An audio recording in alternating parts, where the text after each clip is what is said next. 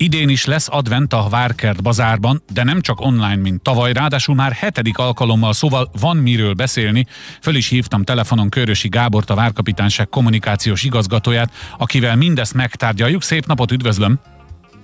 Üdvözlöm és köszöntöm a kedves hallgatókat is. Szóval az első örömhír, hogy nem csak online lesznek a programok, mint tavaly, hanem oda is tudunk menni személyesen, és jól is tesszük, de mivel három órakor voltak bejelentett korlátozások, néhány dolgot tisztázunk. Az advent csak zárt térben zajlik önöknél, vagy zárt térben és kint is, vagy csak kint, és hogy hogyan alkalmazandók a szabályok?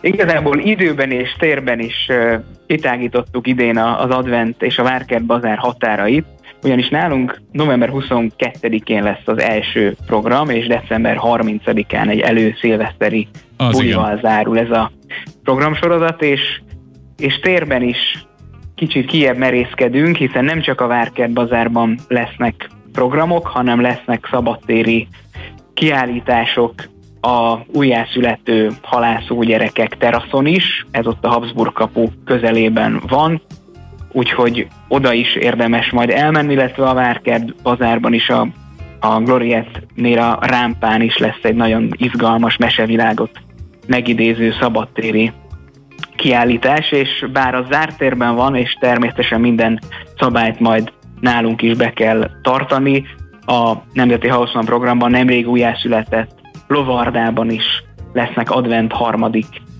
vasárnapján izgalmas gyermekprogramok, úgyhogy aki még nem látta ezt a csodálatos új épületet, akár a programokkal együtt érdemes megtekinteni, hiszen az is nagy élmény nyújt. Sőt, tudok mondani még egy szabadtéri no.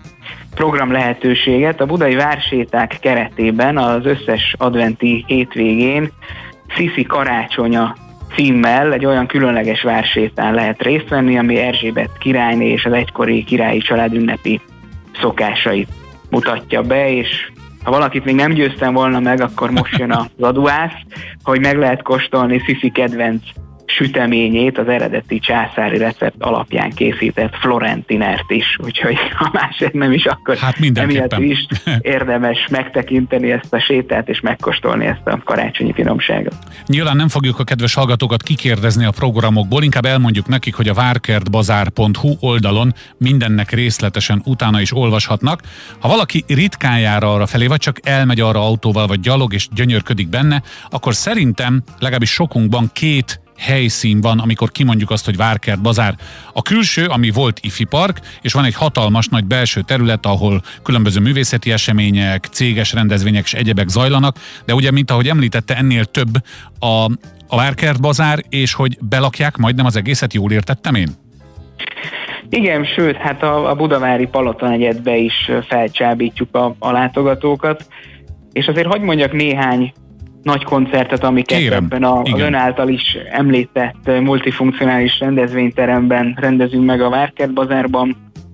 Tehát lesz ugye a Bogányi triónak egy nagyon izgalmas előadása, a Budapesti Filharmóniai Társaság karácsonyi melódiák a baroktól a jazzig címmel, mm lép fel a Modern Art Orchestra is Pocsai Krisztával és Harcsa Veronikával, kiegészülve ők december 5-én, 18-án decemberben lesz Budapest bár adventi koncert, és 19-én az utolsó adventi hétvégén pedig Tóth Vera lép fel a Budapest Jazz Orkestrával, és testvérével Tóth Gabival való, valamint az élőzenei legendával Charlie-val, úgyhogy őket is hallgathatjuk majd karácsony előtt néhány nappal a Várkert bazárban. Szerintem, mivel fönt van a program a honlapjukon, nyugodtan ellőhetjük a december 30-i évzárót, hiszen azt mondta, hogy ugye november 22-től december 30-ig zajlanak az adventi programok a Várkert bazárban. Mi lesz december 30-án? Tabán a házban címmel a Random, Random Trip fog egy évzáró koncertet tartani, ugye ők a, az improvizációról Bizony. híresek, és a a 70-es évek zenei forradalmának közepébe repítenek el majd a csodálatos zenészek, lesznek fiatal zenészek is, de például az LGT Solti János is fellép, és ő is a fiatalokkal együtt fog zenélni, úgyhogy azt gondolom, hogy ez is egy igazi Különleges. izgalmas uh-huh. és különleges esemény lesz így szilveszter előtt egy nappal. De hát igen, ez még december 30, viszont azt írják ugye a programban, hogy advent hétvégéin, adventi iparművészeti vásár, ez az, ami kint is zajlik, jól értettem?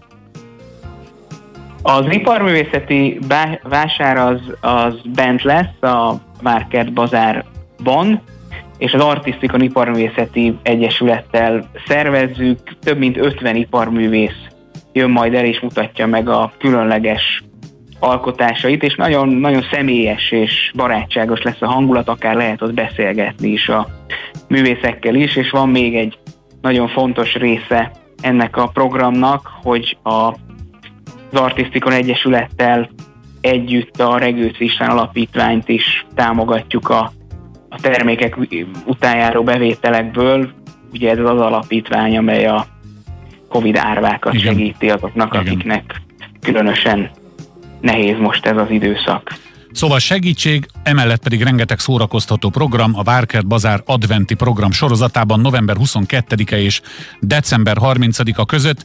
A kedves hallgatók a részletekről a várkertbazár.hu oldalon tájékozódhatnak részletesen, hiszen sok mindent elmondtunk, de valószínűleg ilyenkor délután fele már kevésbé marad meg. Tehát a lényeg várkertbazár.hu. Körösi Gáborral a Várkapitányság kommunikációs igazgatójával beszéltünk mindenről. Sok sikert kívánunk a rendezvényhez, örülünk, hogy beszámolhattunk róla, viszont hallásra! Köszönöm, viszont hallásra várjuk a látogatókat.